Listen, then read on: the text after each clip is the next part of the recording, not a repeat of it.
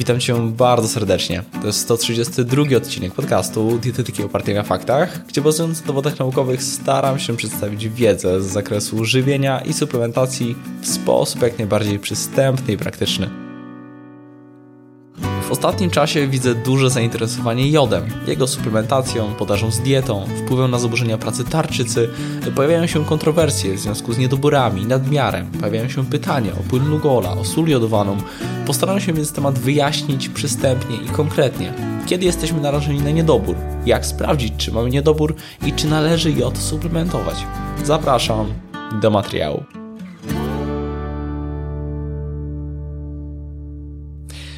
Zanim jednak zacznę, wspomnę, że dzisiejszy odcinek ma partnera i jest to marka suplementów diety Naturel. No dobra, od podstaw. Jod jest niezbędnym składnikiem odżywczym, w szczególności niezbędnym składnikiem hormonów tarczycy, tyroksyny T4 i trójjodotyroniny T3, o których często się mówi odnosząc się do pracy tarczycy. A ponieważ prawidłowe stężenie tych hormonów wpływa na szereg układów w naszym organizmie, to podkreśla, że rola jodu jest naprawdę ważna. Długotrwałe niedobory tego pierwiastka prowadzą do niedoczynności tarczycy, powiększenia tarczycy, czyli powstania wola. Może to być widoczne gołym okiem, jako zwiększenie obwodu szyi, tam gdzie zlokalizowana jest tarczyca, lub niewidoczne dla oka, uchwytne tylko w badaniu USG. Hormon TSH, który też powszechnie kojarzymy z tarczycą, zwiększa wychwyt jodu przez tarczycę oraz stymuluje syntezę i uwalnianie T3 i T4. W przypadku braku wystarczającej ilości jodu, poziom TSH jest podwyższony, co prowadzi do powiększenia tarczycy. Odzwierciedla to w zasadzie próbę wychwytywania większej ilości jodu z krążenia i wytwarzania hormonów tarczycy. E, takim szczególnym okresem, ryzykownym w konsekwencjach e, niedoboru jodu, jest okres ciąży i laktacji u kobiet oraz w związku z tym początek życia. E, niedobory jodu ciężarnych prowadzą do nieodwracalnego uszkodzenia mózgu u płodu i noworodków. Mogą też być przyczyną poronień, przedwczesnych porodów i zwiększonej śmiertelności dzieci, a na samym początku życia powodować deficyty neurorozwojowe. Z tego też powodu bardzo ważne jest, aby najpierw matka podczas ciąży i karmienia piersią, a następnie dziecko zapewniali odpowiednią podaż jodu. No ale co oczywiste, ogólnie ważne jest odpowiednie odżywienie jodem przez całe życie. Tyle, że z jodem jest ten problem, że nie tylko niedobór, ale i nadmiar jest niebezpieczny, a przestrzeń pomiędzy niedoborem a nadmiarem wcale nie jest tak nie wiadomo jak duża. Większość ludzi wykazuje stosunkowo wysoką tolerancję na wyższe spożycie jodu z żywnością. By pokazać to na liczbach, poziom wystarczającego spożycia dla osób dorosłych to 150 mikrogramów na dzień. U kobiet ciężarnych 220, a u kobiet e, karmiących piersią 290, co też e, uwydatnia ten szczególny okres. Natomiast Górny tolerowany poziom spożycia u dorosłych to 600 mikrogramów na dzień. U dzieci znacznie mniej, w zależności od grupy wiekowej. Jednak u niektórych osób, na przykład z autoimmunologicznymi chorobami tarczycy, Hashimoto, mogą wystąpić niekorzystne objawy nawet przy poziomie spożycia uznanym za bezpieczny dla ogółu populacji. Nadmiar jodu może powodować zaburzenia pracy tarczycy, nadczynność, niedoczynność, a w dłuższym okresie zwiększa częstość autoimmunologicznego zapalenia tarczycy czy raka tarczycy. I będę ten temat jeszcze rozwijał, ale po kolei. Niestety w wielu regionach świata to zbyt niskie spożycie jodu jest powszechne i stanowi poważny problem. Polska też jest takim krajem, w którym obserwuje się problem niedoboru jodu, a nie jego nadmiaru w skali populacyjnej. Dlaczego tak w zasadzie jest? Największe ilości jodu znajdują się w morzach i oceanach. Dlatego też, jeżeli chodzi o żywność, głównym źródłem jodu są ryby, owoce morza i wodorosty, algi. E, zarówno jednak spożycie ryb, owoców morza, jak i tym bardziej wodorostów nie jest w Polsce szczególnie wysokie. Wiele osób nie je ryb w ogóle lub spożywa je po prostu rzadko. Jeżeli chodzi o pozostałą żywność, to historia jest taka, że jodki obecne w morzach i oceanach po utlenieniu przechodzą do atmosfery, gdzie w postaci opadów atmosferycznych e, trafiają ponownie do wód i gleby. Stąd czerpane są przez rośliny i stają się pokarmem dla ludzi czy zwierząt. Na terenach oddalonych od morza, zwłaszcza polodowcowych, wysokogórskich, gleby są ubogie w jod i w zasadzie dotyczy to sporej części naszego kraju. Większość produktów spożywczych zawiera mało jodu. Obecnie źródłem mogą być jeszcze produkty mleczne czy jaja poprzez e, wzbogacanie paszy. Średnia zawartość jodu w mleku w Polsce wynosi, może wynosić w zasadzie od 100 do 300 mikrogramów na litr, chociaż waha się między producentami, porą roku czy regionem. Jednak na diecie ograniczającej produkty odzwierzęce, a tym bardziej na diecie wegańskiej, poza wodorostami i solą jodowaną, o której zaraz, nie ma znaczących źródeł jodu. Napoje roślinne stosowane jako substytuty mleka mają niewielkie ilości jodu, chyba że są wzbogacane, a na rynku polskim faktycznie takie istnieją i można z nich korzystać. Z wodorostami jest też ten problem, że stężenie jodu w nich jest skrajnie różne. W świetle badań nawet od 16 do prawie 3000 mikrogramów na gram. Może to wynikać z różnej zawartości jodu w wodzie, w której wodorosty rosły, zmiany ilości jodu w trakcie przechowywania, bo jod ma E, lotne właściwości oraz aspektów analitycznych. Niemniej finalnie to spory problem utrudniający szacowanie. Mimo wszystko badania oceniające stan odżywienia jodem u wegan i wegetarian wskazują, że ryzyko niedoborów w tej grupie jest naprawdę wysokie. Dochodzi tu jeszcze kwestia goitrogenów, o których niekiedy wspomina się w kontekście tarczycy. Goitrogeny to substancje utrudniające pobieranie jodu przez tarczycę. O ile przy odpowiednim odżywieniu jodem to nieszczególny problem, o tyle przy niedoborach mogą pogłębiać niedobór jodu. W goitrogeny bogata jest m.in. soja czy warzywa krzyżowe, np. kapusta, brokoły czy y, kalafior. Niedobory żelaza i witaminy A też mogą mieć charakter goitrogenny, no a wśród wegan spożycie takich produktów, jak i niedobór żelaza są stosunkowo, niestety, powszechne. Jak sprawdzić, czy jesteśmy odpowiednio odżywieni jodem? Ponieważ większość jodu znajduje się w tarczycy, to jest to trudne do zbadania. Nie ma idealnego sposobu, ale istnieją stosunkowo dobre. Przykładowo stężenie jodu w dobowej zbiórce moczu. Ponieważ większość jodu wchłoniętego przez organizm jest wydalana z moczem, uważa się to za czuły wskaźnik bieżącego spożycia jodu. Jego poziomy są przydatne do szacowania spożycia jodu. Odpowiedni jego poziom definiuje się jako stężenie w moczu wynoszące od 100 do 199 mikrogramów na litr, a u kobiet w ciąży nieco więcej, od 150 do 249 mikrogramów na litr.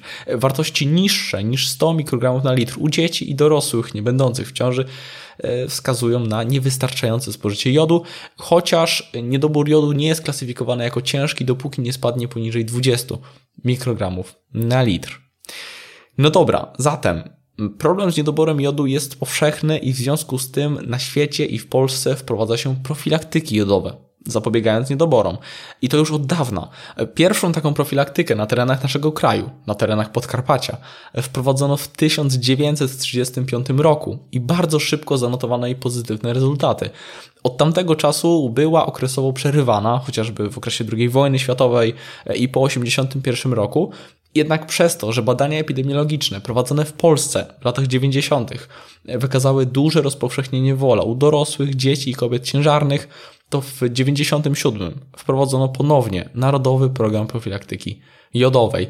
Obecnie polega ona na obowiązkowym jodowaniu soli kuchennej, przeznaczonej do użytku domowego, obligatoryjnym jodowaniu odżywek dla niemowląt i nieobowiązkowej, ale rekomendowanej suplementacji kobiet ciężarnych i karmiących o dodatkowe 150-200 mikrogramów jodu dziennie. W rezultacie zdecydowanie ograniczono rozpowszechnienie wola, ale jak sugerują aktualne prace, wciąż podaż jodu ciężarnych i karmiących pozostaje niedostateczna, dlatego duży nacisk kładzie się na suplementację właśnie w tym okresie. I teraz trochę o tej e, soli jodowanej. Mm, sól uznano za odpowiedni nośnik wzbogacenia jodem, między innymi z tego względu, że jest powszechnie spożywana przez praktycznie wszystkie grupy ludności. E, spożycie soli jest stosunkowo proporcjonalne do zapotrzebowania na energię, w wielu krajach produkcja soli ogranicza się do kilku miejsc, co ułatwia kontrolę jakości. Technologia e, potrzebna do jodowania soli jest dobrze ugruntowana i niedroga, e, a dodatek jodanu lub jodku do soli nie wpływa na smak ani zapach soli. W wytycznych WHO dotyczących jodowania soli znajdziemy konkretne sugerowane poziomy jodowania w zależności od przeciętnego spożycia. Każdy kraj ten poziom e, dostosowuje do swoich szacunków spożycia. Jedyny minus jest taki, że o skuteczności profilaktyki jodowej decyduje jej powszechne stosowanie, co jest trudne w realizacji. Może dotyczyć większości, ale nie wszystkich. E, I ta część jest wówczas wciąż narażona na niedobór. Dochodzi do tego kwestia zdrowia kardiometabolicznego i w związku z tym ograniczenia solenia, ale o tym zaraz.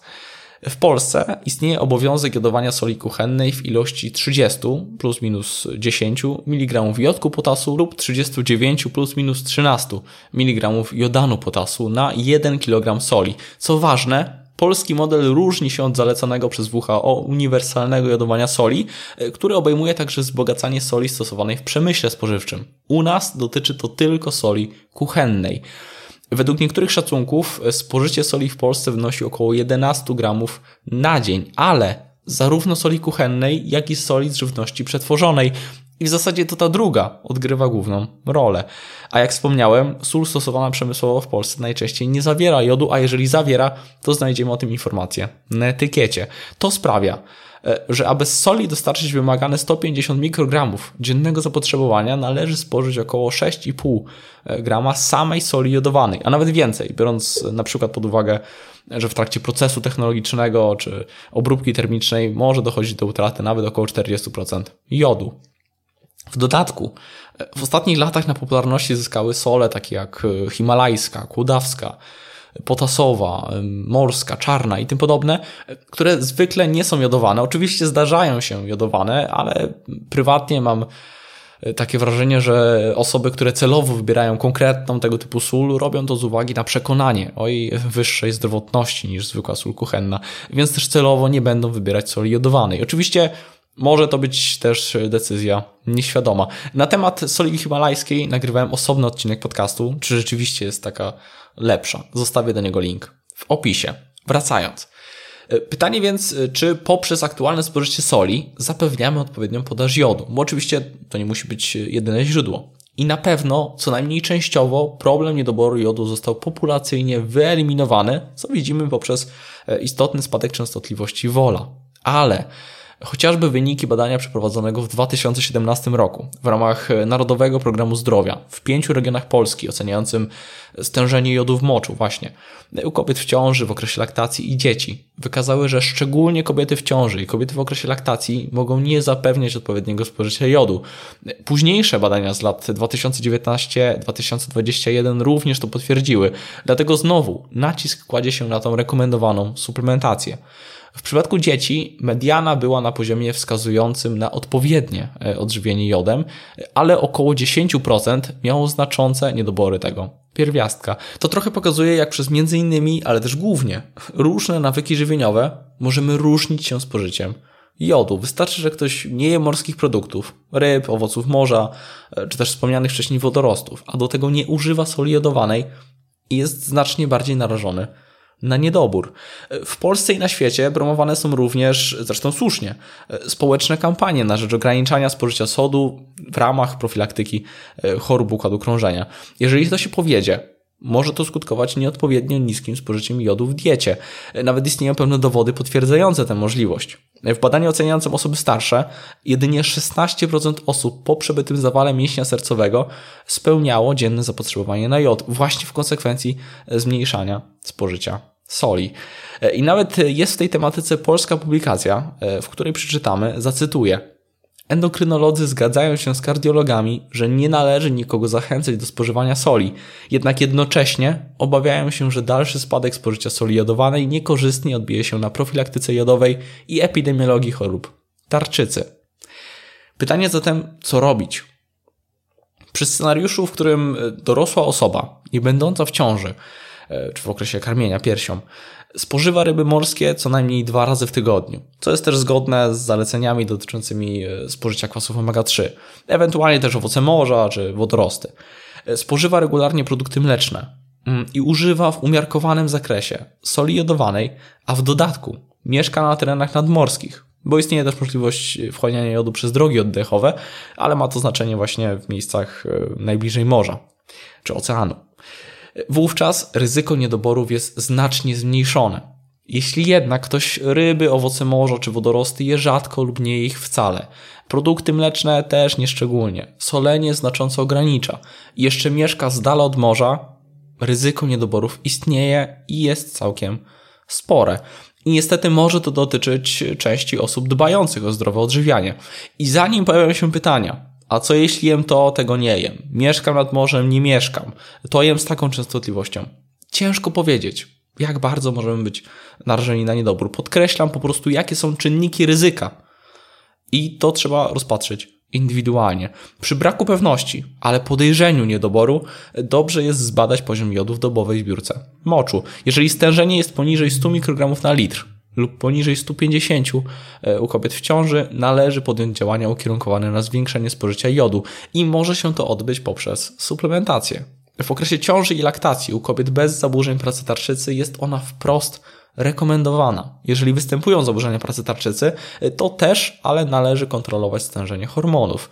Rekomendacje Polskiego Towarzystwa Ginekologów i Położników e, sugerują nawet, że suplementacja jodu w okresie przedkoncepcyjnym może redukować ryzyko upośledzenia umysłowego u noworodka.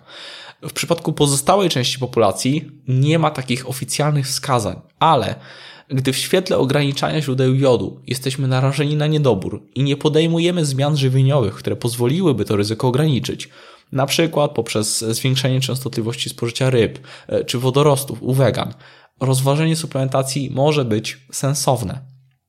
Z dawkowaniem nie należy jednak przesadzać. E, tak jak wspomniałem też na początku, ryzyko nadmiaru też istnieje. Dawki do 150-200 e, mikrogramów na dobę u osób narażonych na niedobór są stosunkowo bezpieczne. Uważać powinny jednak osoby z zaburzeniami pracy tarczycy. I co też ważne, dobrze by przy tym dbać o odpowiednie odżywienie selenem. Prawidłowe spożycie selenu może częściowo chronić przed niekorzystnym działaniem jodu. W kontekście suplementacji można wybierać preparaty z jodkiem potasu lub na bazie wodorostów. Preparaty na bazie wodorostów mogą być potencjalnie bardziej ryzykowne, bo istnieje większa możliwość wahania zawartości jodu niż w przypadku jodku potasu, ale może to być oczywiście odpowiednio kontrolowane przez producenta. No dobra, zbliżając się do końca, co z płynem Lugola i suplementacją jodem w związku z ryzykiem nuklearnym, radioaktywnym jodem? Już tłumaczę. Temat najbardziej kojarzony jest z Czarnobylem. Po wybuchu w Czarnobylu stosowano płyn Lugola. Dlaczego? Ponieważ chmura radioaktywna zawiera wiele szkodliwych i rakotwórczych pierwiastków, m.in. radioaktywny jod. Żeby tarczyca nie wchłonęła radioaktywnego jodu, wiemy, że skutecznym sposobem jest podanie dużej dawki jodu stabilnego, tak aby tarczyca się nasyciła i nie miała szansy wchłonąć jodu radioaktywnego. To efekt Wolfa-Haykoffa, fizjologiczne zjawisko chwilowego zaprzestania wychwytu jodu przez tarczycę, co skutkuje zahamowaniem produkcji oraz uwalniania hormonów tarczycowych. Tym sposobem blokujemy tak zwaną jodochwytność tarczycy, co istotnie ogranicza możliwość kumulacji w niej jodu promieniotwórczego. Naświetlanie tarczycy jest wówczas zmniejszone, co sprawia, że w przyszłości ryzyko wystąpienia raka tarczycy spowodowanego e, napromieniowaniem ogromnie maleje. Ale, i to niezwykle ważne, takie działania mają sens około 24 godziny przed spodziewanym początkiem narażenia i kilka godzin po nim. Czas ten nie jest równoznaczny na przykład z wybuchem elektrowni atomowej. Trzeba wziąć pod uwagę odległość od miejsca wybuchu, siłę wiatru czy wielkość samego wybuchu. Przyjmowanie jodu profilaktycznie w wysokich dawkach jest niebezpieczne. Jego przyjmowanie w sposób niekontrolowany wpływa negatywnie na funkcjonowanie tarczycy. Element zagrożenia radioaktywnego w tym kontekście jest na bieżąco monitorowany przez Polską Agencję Atomistyki. Gdy wystąpi ryzyko skażenia promieniotwórczego, podejmowana jest cała procedura przekazywania mieszkańcom jodu, a konkretnie e, obecnie jodku potasu. Płyn Lugola był kiedyś. To mniej wygodna forma niż tabletki, e, bo innymi płyn szybciej traci ważność i trudniej wyliczyć dawkę. W Polsce, podobnie jak w innych krajach, zostały przygotowane zapasy jodku potasu w postaci tabletek na wypadek skażenia jodem promieniotwórczym i opracowano nawet program ich dystrybucji. Także nie należy siać niepotrzebnej paniki i tym bardziej sobie nie szkodzić. No dobra, liczę, że ten odcinek okazał się wartościowy. To już wszystko ode mnie. Do zobaczenia, do usłyszenia i już niebawem. Hej!